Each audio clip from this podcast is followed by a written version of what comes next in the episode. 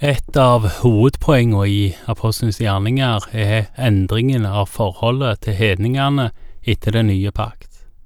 Hedningene er altså da ikke-jøder. Den gamle pakt var pakten imellom Gud og hans folk Israel, en pakt som vel ble inngått med Abraham og stadfesta ut gjennom historien. Men, som tidligere nevnt, og i denne gamle pakt nevnes at alle folkeslag skulle velsignes gjennom jødene, så slik sett så bør kanskje ikke den nye pakt ha vært en veldig overraskelse. Men det var det, og derfor vies det nok òg en god del tid til å forklare hvordan disiplene eller apostlene fikk beskjed om at òg hedningene kunne vende om. Og Da kan det være nyttig å legge merke til at Peter er sentrale her. Det er altså ikke bare nykomlingen Paulus som trekker dette inn, men Peter, altså klippen, på hvem Jesus skulle bygge sin menighet.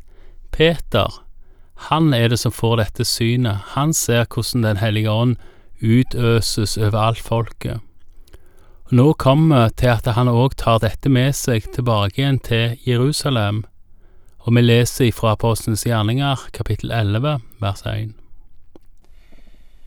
Apostlene og brødrene omkring Judea fikk nå høre at også hedningene hadde tatt imot Guds ord. Da Peter kom opp til Jerusalem, gikk de omskårne i rette med ham og sa, Du har tatt inn hos uomskårne og spist sammen med dem. Da begynte Peter å forklare alt for dem fra først til sist. Det Peter her beskyldes for, er at han har vært sammen med hedningene, altså de som ikke er omskårne, ikke-jøder, og spist sammen med dem. Det kan en sikkert si mye om, og jødene hadde helt klare regler for hvem de skulle omgås, og hvem de ikke skulle omgås. Noen av disse reglene var Guds bud, og noen var menneskers tolkninger, som vi òg har i, da, i våre dager. Like viktig da som nå var det å holde forskjell på Guds bud og menneskelige forordninger. For vår del kan vi òg bli beskyldt for det samme dersom en er for mye sammen med ikke-kristne. Tanken med en sånn kritikk kan være god nok, at en er redd for at de som omgås verden for mye, kan falle fra. På den andre sida hvordan skal en klare å spre det gode budskap om evangeliet om Jesus Kristus dersom en låser seg inne på kirke eller bedehus? Her kan en nok lære mye strategi av å lese apostlenes gjerninger. Hva kjennetegner det sånn som de gjorde det da?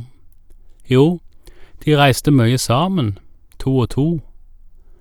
Ofte var det en sendemenighet som sto bak, som ba for de, som bidrog økonomisk, og som de sto ansvarlig overfor. Dette gjelder både for Paulus og de han reiste sammen med, men òg Peter, som vi her holder på med. Nå skal Peter forklare, eventuelt forsvare, hvorfor han gjorde som han gjorde. Vi leser videre fra vers fem. Jeg var i byen Jaffa. Mens jeg ba, kom jeg i ekstase og fikk et syn. Noe dalte ned akkurat som en stor duk som ble firt ned fra himmelen etter de fire hjørnene, og den kom helt ned til meg. Jeg så nærmere på den og gransket den, og da fikk jeg se de firbente dyrene på jorden, de ville dyrene, krypdyrene og fuglene under himmelen. Jeg hørte også en røst si til meg, Ta for deg, Peter, slakt og spis. Jeg svarte, Ikke tale om, Herre, for aldri er noe vanhellig og urent kommet inn i min munn. For andre gang lød røsten fra himmelen, Det som Gud har sagt er rent, må ikke du kalle urent. Dette hendte tre ganger, og alt ble tatt opp til himmelen igjen. I det samme sto det tre menn utenfor huset hvor vi bodde. De var utsendt til meg fra Cesarea. Ånden sa til meg at jeg skulle dra sammen med dem uten å nøle. Disse seks brødrene reiste også med, og vi gikk inn i mannens hus. Han fortalte oss hvordan han i sitt eget hus hadde sett en engel som sa, Send bud til Jaffa og be Simon med tilnavnet Peter komme hit. Han skal tale til deg med ord som blir til frelse for deg og hele ditt hus.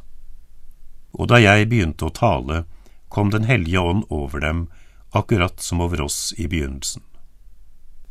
Da husket jeg Herrens ord, at han sa, Johannes døpte med vann, men dere skal bli døpt med Den hellige ånd. Når Gud har gitt dem den samme gaven som vi fikk da vi kom til tro på Herren Jesus Kristus, hvem er da jeg at jeg skulle hindre Gud?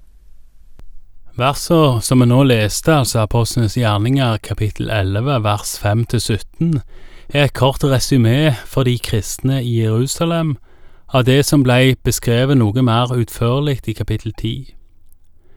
Peter ser i et syn at det som tidligere var regnet som ureint av mat og folk, ikke lenger er det.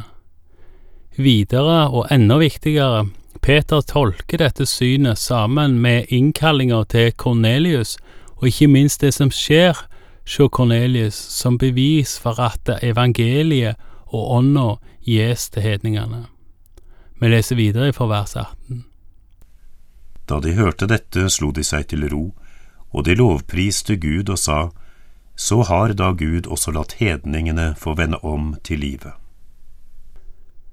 Igjen noe en kan ta med seg inn i våre dager, tenker nå iallfall jeg. Dersom noen av menigheten eller forsamlingen en går i har et særlig kall til å nå de som ikke har hørt om Jesus, så kan de som er igjen, eller da skal de som er igjen, være med på det ved å holde seg oppdatert, men òg med å takke og lovprise dersom noen nye vender om til evangeliet. Vi leser videre fra vers 19.